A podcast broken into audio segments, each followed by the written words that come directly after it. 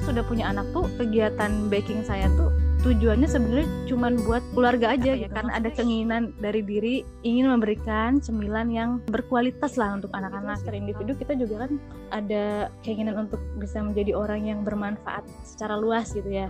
Jadi kalau kita udah bisa bermanfaat di keluarga sendiri ini yang sekiranya bisa memberikan manfaat yang lebih luas lagi. Paling tidak tuh untuk meng untuk mengoptimalkan potensi diri lah.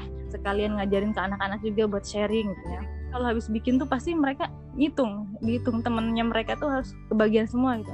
Yang pasti sih pertama harus dilurusin dulu ya niatnya. Kemudian obrolin dulu sama suami. Coba cari kira-kira berkaryanya kayaknya lebih enak kalau mengerjakan apa yang kita suka gitu. Mulai menyusun waktu jangan sampai nanti e, kegiatan kita malah mengganggu tugas utama kita gitu tanggung jawab utama kita Assalamualaikum ya teh Waalaikumsalam Kak Roma Ya, uh, di episode kali ini kita kedatangan Teh Melia Silmi nih teman-teman. Jadi biasanya dipanggil Teh Melia Teh. Iya betul. Uh, sebelum kita ngobrol-ngobrol lebih lanjut, uh, kenalan dulu mungkin Teh. Saya Melia Silmi, asalnya dari Indramayu sebetulnya. Cuman sekarang oh. Uh, tinggal menetap di Bandung bersama suami dan anak-anak. Kabar alhamdulillah baik. Sibukannya ya itu sih cuman apa ya di rumah aja kan, di rumah membersamai suami dan anak-anak sama menjalankan Twinny Bakery se semampunya. Masya Allah cari yang dua anak ya Alhamdulillah ini kembar ya tuh ya Allah Iya Alhamdulillah Di kehamilan pertama dikaruniai kembar alhamdulillah dari pengalaman nih pengalaman hidup Tete gitu ya. Ya tanya dulu sebelum menikah gitu ya dengan suami ini dan sekarang sudah menikah apalagi sekarang sudah di, dikaruniai anak gitu ya. Gimana sih teh? Prioritas prioritas hidup teteh gitu ya waktu dulu zaman masih belum nikah mungkin ya waktu masih single sampai akhirnya sekarang udah nikah dan bahkan udah dikaruniai anak kembar lagi kayak gitu. Nah itu ada nggak sih teh prioritas hidup yang berubah gitu dari tiap-tiap episode hidup teteh itu hmm, ada sih kayaknya pasti ada sih. Dulu waktu single mungkin lebih kayak pikirannya tuh lebih banyak kayak memprioritaskan keluarga gitu. Maksudnya keluarga sini orang tua gitu ya adik-adik. Pikirannya lebih banyak ke sana sih. Gimana caranya ngebantu orang tua adik-adik. Begitu menikah ya beda lagi gitu ya. Karena udah ada suami kan. Jadi waktunya tuh banyak dicurahinnya ya ke keluarga sendiri gitu keluarga yang baru dibina ini. Kan dulu sempat kerja sebenarnya ketika baru lulus itu kerja saya dulu ngajar di salah satu mahat di Bandung. Terus kan saya kayaknya dua bulan setelah wisuda deh kayaknya. Nikah kan terus hamil. Hmm. jadi setelah itu akhirnya memutuskan untuk uh, udahan gitu ya. Kan waktu itu ngajarnya masih kontrak satu tahun gitu. Nah pas kontraknya habis kan ditanyain mau diperpanjang gak gitu waktu itu akhirnya saya memutuskan untuk resign sih sudah gitu ya. Karena memang kan udah mulai hamil juga terus kebetulan tempat saya kerja itu kan lumayan jauh dari tempat kerja suami. Jadi tinggalnya tuh lebih milih ke yang deket tempat kerja saya gitu. Nah akhirnya ketika kontrak udah habis itu udahin gitu ya kontraknya nggak dilanjut terus pindah ke tempat yang lebih deket ke tempat kerjanya suami gitu tinggalnya gitu. Sama fokus fokus nanti hamil sudah gitu kan tahu kembar ya. Jadi harus ya hati-hati yeah. gitu harus hati-hati banyak hati-hati. Terus pas udah punya anak ya jadi berubah lagi gitu. Jadinya kayak jadi istilahnya kalau masih single mah mikirnya cukup diri sendiri gitu ya. Terus dengan uh, nggak yang kalau udah berkeluarga kan misalnya suami istri aja kita udah harus menyesuaikan dengan suami gitu ya. Sekarang pas udah punya anak jadinya yang harus disesuaikannya lebih banyak lagi gitu dengan anaknya gitu. Ya teh apalagi yang lahiran pertama kembar gitu ya. Jadi harus benar-benar menjaga okay. banget. Berapa kilo itu teh dulu waktu kembar tuh lahirnya waktu oh, pas? lahir anak anak yang pertama itu beratnya 1,99 kg anak yang keduanya 2,48 kg pasti capek banget ya teh. Waktu kondisi lagi hamil apalagi waktu udah melahirkannya itu ya teh. Nah di samping melawat gitu ya bersamai Zafira dan Zakira gitu kan ya teh. Hmm. itu ternyata teh Melin uh, bersama suami gitu ya memiliki bisnis nih foto owner Twinny Bakery kayak gitu teman-teman. Nah pengen tahu nih teh gimana sih awal mulanya teteh bikin bisnis Twenty Bakery ini? Padahal kan waktu itu kondisinya udah punya anak gitu ya apalagi kembar gitu kan. Itu gimana sih kepikiran dulu awal pertama hmm. bikin bisnis ini kayak hmm, jadi awalnya sebenarnya gimana ya? Uh, berawal dari hobi sih sebetulnya. Jadi saya tuh memang suka baking kan suka mangga-mangga bikin kue gitu. Dari sejak masih kuliah sebetulnya. Terus berlanjut pas sudah punya suami udah punya anak. Nah sebenarnya pas sudah punya anak tuh kegiatan baking saya tuh tujuannya sebenarnya cuma buat keluarga aja gitu. Maksudnya apa ya? Karena ada keinginan dari diri ingin memberikan cemilan yang uh, berkualitas lah untuk anak-anak gitu. Kalau bikin sendiri kan kita bisa ini ya bisa memastikan bahan bakunya apa gitu ya baik atau yang bagus gitu kan. Terus bikinnya ya bener-bener gitu bersih dan lain sebagainya gitu. Jadi waktu itu tuh awalnya memang untuk benar-benar untuk anak-anak sih sebenarnya. Cuman ketika bikin itu saya tuh sering bagi-bagi ke tetangga. Jadi kalau bikin bagi-bagi oh. karena kan nggak habis ya kalau dimakan sendiri aja gitu maksudnya di yeah, yeah, orang yeah. rumah aja. Jadi kalau bikin selalu bagi-bagi bagi-bagi sekalian ngajarin ke anak-anak juga buat sharing gitu ya. Sampai akhirnya anak-anak kebiasaan. Jadi kalau habis bikin tuh pasti mereka ngitung. Dihitung temennya mereka tuh harus kebagian semua gitu. Dihitungin lagi dipotong tuh ini oh. ini ini ini gitu ya. Sampai pas waktu itu akhirnya pernah uh, waktu itu bikin donat. Bikin donat saya kirim ke tetangga gitu. terus tetangga bilang Mel saya iklanin ke grup komplek ya gitu. Jadi di komplek tempat tinggal saya tuh ada grup isinya tuh ya buat jualan-jualan gitu kan. Pas ditawarin begitu saya awalnya bingung juga. Maksudnya kan memang nggak ada niatan untuk jualan sebetulnya. Cuman uh, saya bilang uh, nanti deh saya obrolin dulu sama suami mbak gitu kan. Saya obrolin sama suami diskusi tadi ngasih ini ke mbak ini gitu. Terus ditawarin katanya mau di mau diiklanin aja ke grup komplek gitu kan terus kata suami ternyata respon suaminya justru sangat mendukung. Maksudnya kayak oh ya udah nggak apa-apa gitu. Biar uh, apa ya biar jadi kegiatan lain juga. Maksudnya hobi uh, bisa menjalankan hobi tapi juga bisa sedikit ada tambahan uang jajan gitu kan. Lumayan gitu. Dan mengisi waktu yang luang juga gitu terus akhirnya oh yaudah deh gitu. Akhirnya saya bilang lagi ke tetangga itu oh boleh boleh mbak mangga gitu. Karena saya tuh sebenarnya orangnya apa ya nggak bisa atau nggak mau ya nggak tahu deh. Pokoknya nggak mau ngiklan-ngiklan gitu sebetulnya. Jadi nggak bisa jalan hmm. gitu. Iya saya tuh tipikalnya orang yang berkutatnya di bidang produksi bukan marketing gitu. Nggak bisa menjajak-jajakan jualan gitulah. Dulu pernah ikut talent mapping tuh memang kemampuan marketing, sales gitu-gitu tuh memang yang paling rendah gitu emang nggak bisa gitu. Pertama gitu tuh ya. justru yang iklan itu tetangga gitu. Dia tetangga yang nawar. Iya, iya, iya. gitu. sampai akhirnya karena udah sering bikin kan udah tetangga yang lain juga udah sering kasih pas diiklanin di grup itu tetangga-tetangga yang lain pada kayak oh iya mau mau yang ini juga gitu. Dulu kan saya pernah bikin pizza gitu ya terus bilang teh mau dong pizzanya lagi gitu, kayak gitu gitu dari situ akhirnya mulai yaudah deh coba di apa ya dicoba gitu coba buat jalan bisnisnya Wah mantap Berarti awal mula hobi dari bagi-bagi aja ya awalnya. Iya.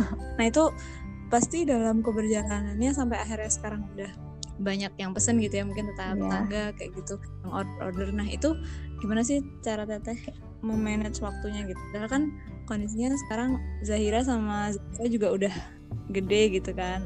Nah mungkin gak sih kayak mungkin Zahira sama Zahira agak gagu atau agak pusing gitu tips manage waktunya tuh gimana sih teh?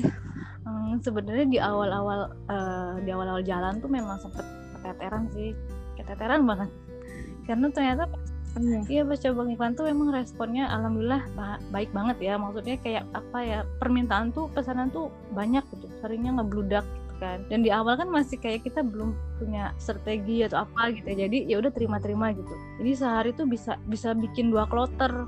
Kloter pagi sama kloter sore gitu kan. Akhirnya waktunya tuh banyak ter, tersita ke situ gitu. Akhirnya anak-anak justru malah sedikit waktu dengan ibunya gitu. Yang awalnya kan kayak satu dua kali eh satu kali 24 jam tuh kan saya bener-bener ke mereka aja gitu kan ya. Pas udah mulai yeah. sini jadinya saya sibuk gitu mereka jadinya seringnya main berdua gitu. Tapi dari situ sebenarnya ada hal positif juga sih untuk perkembangannya mereka alhamdulillah itu ada gitu ya. Jadi dulu tuh sedikit cerita juga tentang anak-anak ya. Jadi Zahira Zakira tuh termasuknya anak-anak yang nggak terlalu nggak terlalu supel apa ya berarti ya. susah bergaul gitu. Mereka tuh pemalu banget. Kayaknya dulu tuh sempet trauma mungkin. Jadi karena mereka tuh kan kembar. Jadi kalau dibawa keluar rumah tuh entah ke mana gitu ya ke pasar atau ke masjid atau ke main misalnya ke tempat wisata tuh suka menarik perhatian orang kan. Jadi orang-orang kadang ya heeh. langsung kayak eh ya gemes Iya kemudian pegang-pegang apa segala kan. Nah mereka tuh akhirnya takut. Jadi pas udah bisa ngomong mah mereka bisa ngomong ke kita gitu. Akhirnya kalau ada orang tuh mereka udah langsung ibu ibu tadi aku dipegang gitu. Masa gitu kayak gitu-gitu. Jadi mereka tuh akhirnya ada rasa takut gitu kalau ada keramaian gitu. Jadi dulu tuh kalau main ke depan rumah aja ke teras itu harus ditemenin. Padahal di depan rumah gitu. Harus ditemenin harus ibu mau main depan gitu. Terus kalau misalnya lagi main di depan teras melihat ada temennya misalkan di, di ujung jalan. Mereka pengen main ke sana. Biasanya bu bu mau ke sana temenin. Selalu gitu. Nah pas saya mulai sibuk ngurusin bisnis ini mereka akhirnya mulai agak mandiri berdua. Kayak main mulai berdua aja gitu depan rumah.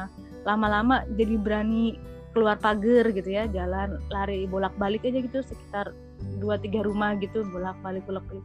Lama-lama udah sekarang udah bisa main sendiri malahan ke tetangga gitu. Nah dari situ akhirnya kayak apa ya mulai mikir sih hmm, saya tuh dapet kutipan intinya kata-katanya gini eh, katanya anak-anak tuh bukan bukan distraksi untuk pekerjaan yang eh, untuk sebuah pekerjaan yang penting tapi justru anak-anak sendiri merupakan pekerjaan yang penting gitu. Maksudnya kayak memperhatikan anak-anak mendidik anak-anak itu justru yang lebih penting kerjaan yang paling penting gitu ya. Jadi nggak ada yang lebih penting dari itu. Dari situ tuh mulai mikir loh sekarang kok memang sih jalanin bisnis ini eh, enak gitu ya. Lagi lagi anak-anaknya lah lagi banyak pesanan dan lain sebagainya. Cuman ngerasa waktu untuk membersamai mereka jadi kurang gitu. Kan kalau pesanan pagi tuh bisa dimulai dari jam 2 ya. Bikin tuh dari jam 2 dua dari pagi jam jam dua jam siang? 2 pagi eh mater pagi tuh. Dari jam 2 pagi mulai gitu. Jam 8 atau jam 9 lah selesai. Itu kloter yang pertama. Hmm. Nah, nanti kan di sela-sela dari subuh itu kan harus mulai disambi ya, disambi nyiapin sarapan, disambi macam-macam lah nyiapin suami mau berangkat kerja gitu kan. Nah, itu Iya. itu nanti jam 8 atau jam 9 selesai, itu paling saya kayak ngurusin jemur gitu kan. Karena harus nyuci baju, jemur baju, beresin peralatan yang tadi habis dipakai kan. Nanti sampai jam 11-an itu mulai lagi untuk kloter berikutnya gitu, pesanan kloter sore. Bener-bener waktu untuk anak-anak tuh sedikit banget gitu ya. Paling di sela-sela itu aja jadi dapetnya waktu-waktu sela-sela gitu. Nah ini jadi mikir lah ini anak-anak kasihan gitu. Terus diskusi ke suami gitu gimana? Karena ya itu ngerasanya gitu kasihan anak-anak. Akhirnya kata suami oh ya udah kita terima orderannya jangan terlalu banyak. Jadi apa ya kayak mm, maksimal mungkin sehari cukup satu atau dua kali bikin adonan aja gitu. Karena satu kloter itu bisa bisa 3 sampai empat kali bikin adonan. Misalnya kayak kloter pagi 3 sampai empat kali bikin adonan. Kloter sorenya juga gitu. Iya jadi sekarang mah satu kloter aja terus cukup bikin satu atau sa- satu sampai dua kali adonan aja gitu. Nggak usah banyak banyak karena eh, ya itu gitu biar membersamai anak-anaknya tetap ada. Dan jadinya kayak ini mah nggak usah dulu dipikirin untuk eh, digedein terus ngejar omset sekian sekian gitu ya. Kalau sekarang mah jadinya kayak ah, ya udah hitung-hitung ngejalanin hobi aja gitu ngejalanin hobi.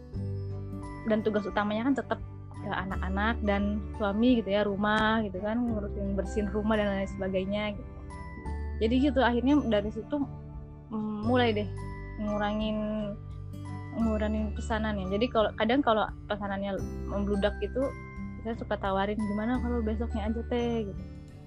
Ada yang mau ada kadang ada yang eh, wah butuhnya hari ini gitu. Jadinya ya ya udahlah kayak gitu sih. Harus lebih berat ke ngurusin anak. Ya kan? Maksudnya intinya sih sebenarnya ketika hmm, ketika ingin eh, melakukan aktivitas lain selain eh, di luar tanggung jawab utama ya harus menyelesaikan dulu tanggung jawab utamanya kan. Jadi eh, iya sekarang kan ngerasanya anak-anak saya kan udah mulai besar nih. Sebentar lagi udah mau masuk usia ini sebenarnya mereka.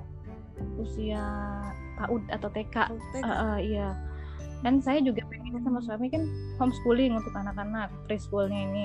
Jadi kan banyak hal yang harus disiapkan gitu ya. Uh, nanti juga berarti kan uh, ada waktu waktu juga untuk ngajarin mereka gitu-gitu. Terus juga karena oh iya saya dan suami juga kan kayak punya project sebenarnya sebelum memutuskan untuk membuka Twinny Bakery ini saya dan suami itu lagi menggarap project keluarga gitu bikin green grand design pendidikan anak-anak nah itu kan biasanya dulu tuh kita tuh memang rutin setiap pagi gitu ya ngadain iya. rapat lah berdua gitu diskusi. Nah cuman karena mulai ada tuh ini bakery ini kan saya udah mulai sibuk dari jam 2 pagi tuh. Jadinya malah nggak ada yeah. buat itu gitu. Akhirnya kan sempat terhenti tuh project keluarganya. Jadi kayak jadi sekarang lah gitu. Makanya mulai di ini aja karena kita banyak juga yang harus dikejar selain itu doang gitu kan. Gitu akhirnya ya udah mulai dikurangin itu. Tips nih tips dan trik buat para ibu-ibu yang mungkin udah ibu gitu ya yang gimana caranya bisa membuka bisnis nih kayak tete atau bahkan punya project bareng suami gitu ya itu menarik sih. Nah itu gimana sih caranya? Mungkin tips trik dari tete buat teman-teman. Hmm, sebetulnya yang perlu diperhatikan lebih awal tuh itu sih tugas utama kita dulu ya tugas utama kita kan sebenarnya istri dan ibu gitu ya. Hmm. yang urusin rumah tangga aja dulu gitu urusin anak-anak suami gitu dan domestik lainnya lah. Kalau memang setelah semua tugas itu tertunaikan terus kemudian dirasa oh masih ada nih saya masih punya waktu terus saya merasa ada potensi diri yang bisa digali gitu itu coba lakukan gitu ya. Karena memang secara individu gitu ya uh, maksudnya bukan bukan dalam peran istri atau ibu gitu kan secara individu kita juga kan ada keinginan untuk bisa menjadi orang yang bermanfaat secara luas gitu ya. Jadi kalau kita udah bisa bermanfaat di keluarga sendiri ini kita mulai coba pikirin gitu kegiatan lain yang sekiranya bisa memberikan manfaat yang lebih luas lagi paling tidak tuh untuk mengoptimalkan potensi diri lah. Yang pasti sih pertama harus dilurusin dulu ya niatnya ya, karyanya ini niatnya untuk apa gitu. Jangan sampai nanti salah niat. Kemudian obrolin dulu sama suami. Kan kalau udah jadi istri mah apa apa harus izin suami gitu ya. Kalau suami udah ridho insya Allah lah bisa jalan gitu. Triknya mungkin coba cari ini sih kira-kira berkaryanya. Kayaknya lebih enak kalau mengerjakan apa yang kita suka gitu. Maksudnya passion kita misalkan misalkan milih bisnis nah bisnisnya yang kita suka tuh apa gitu. Karena kayaknya kalau ngerjain sesuatu yang uh, jadi passion kita kan kita nanti ngerjainnya juga jadi semangat ya. Kayak nggak terbebani mulai ini menyusun waktu sih gitu sih maintenance waktunya. Karena kan ibu rumah tangga apalagi kalau misalkan nggak punya ART gitu ya otomatis semua pekerjaan rumah masuk anak itu kan dipegang kita tuh. Jadi kita harus uh, bener-bener bisa ngepost ngepostin waktu jangan sampai nanti kegiatan kita malah mengganggu uh, tugas utama kita gitu tanggung jawab utama kita sebagai istri dan ibu kalau udah punya anak. Nah, boleh closing statementnya dari Teh Meli. Sebenarnya kan tujuan utama pencipta kita kan untuk beribadah ya. Jadi apa pun kegiatan kita gitu, kita sebisa mungkin harus niatkan untuk ibadah. Misal ini misal lulus secara umum ada yang masih kuliah misal kuliahnya diniatkan untuk ibadah. Ada yang kuliahnya sambil nyambi berkegiatan misal itu juga kegiatannya juga diniatkan untuk ibadah. Atau kuliah nyambi kerja kan ada ya yang kuliah sambil kerja misal gitu. Itu juga diniatkan ibadah. Pun begitu dengan kita yang sudah berkeluarga mengerjakan tugas-tugas istri gitu ya itu diniatkan diniatkannya ibadah. Dan kalaupun kita memutuskan untuk tetap berkarya di di luar tugas utama kita sebagai istri atau ibu itu juga niatnya ya ibadah. Selama itu diniatkan ibadah insya Allah nanti kita ngejalaninnya kayak apa ya? Ya enjoy aja gitu. Jadi kita nggak ada nggak ada perasaan tertekan terbebani. Karena kita niatnya ya udah untuk ibadah gitu kemudian kenapa sih kita harus tetap berdaya atau berkarya gitu ya meskipun sudah menikah apalagi punya anak misalkan karena sebenarnya kita tuh eh, dari sebuah hadis tuh ada ya yang menyebutkan bahwa manusia itu biasanya terlalaikannya oleh dua eh, dua kenikmatan ya yaitu nikmat sehat dan waktu luang. Nah, sebenarnya berkarya di luar di luar menjalankan tugas utama sebagai istri atau ibu tuh adalah untuk menghindari kelalaikan di waktu luang ini. Jadi untuk kita-kita yang kita-kita yang uh, merasa bahwa setelah kita menjalankan tugas utama kita, tapi kita ternyata masih punya banyak waktu luang, masih bisa kita manfaatkan, kenapa tidak gitu ya? Daripada kita malah jadi terlalaikan gitu. Tapi mungkin ada juga nih kita kan nggak bisa menyamakan menyamaratakan semua orang gitu ya. Mungkin ada juga yang sebenarnya ibu-ibu yang justru mengerjakan pekerjaan utamanya aja udah ngerasa capek atau berat gitu ya. Uh, jangan sampai membuat ada perasaan tambahan beban gitu dengan dengan berpikir bahwa oh saya jadinya uh, gak bisa beraktivitas lain gitu. apalagi misalnya kayak ibu-ibu yang aktivis lah dulunya gitu ya biasa iya, iya. berkegiatan di luar gitu tiba-tiba udah menikah terus punya anak jadi sibuk dengan kegiatan domestik itu kegiatan di dalam rumah. Terus jadi ngerasa aduh kok saya jadi nggak bisa berkegiatan lagi atau saya tidak bisa berkarya lagi? Gitu. Nah jangan sampai hal itu malah jadi kayak membuat kita tertekan gitu. Karena tadi sebenarnya kan niat utama kita ibadah. Jadi kayak kita mau berkarya di luar rumah atau maksudnya atau bisa sih dari rumah mengerjakan hal lain selain uh, tanggung jawab utama itu gitu. Kalau memang itu nggak belum belum sanggup dilaksanakan sekarang karena kesibukan di rumahnya benar-benar uh, menurut dia udah apa ya kayaknya udah nggak punya waktu lagi gitu untuk melakukan hal lain ya tidak apa-apa gitu. jangan sampai jadi beban karena tadi sebenarnya kan berkarya di luar tugas utama itu adalah menghindari yang waktu luang itu kan kalau ngerasa waktunya udah pas-pasan mah ya udah gitu. Jangan sampai jadi kayak aduh malah jadi membebani diri sendiri gitu. Malah jadi nggak enjoy ngejalaninnya. Nah itu juga kan nggak bagus.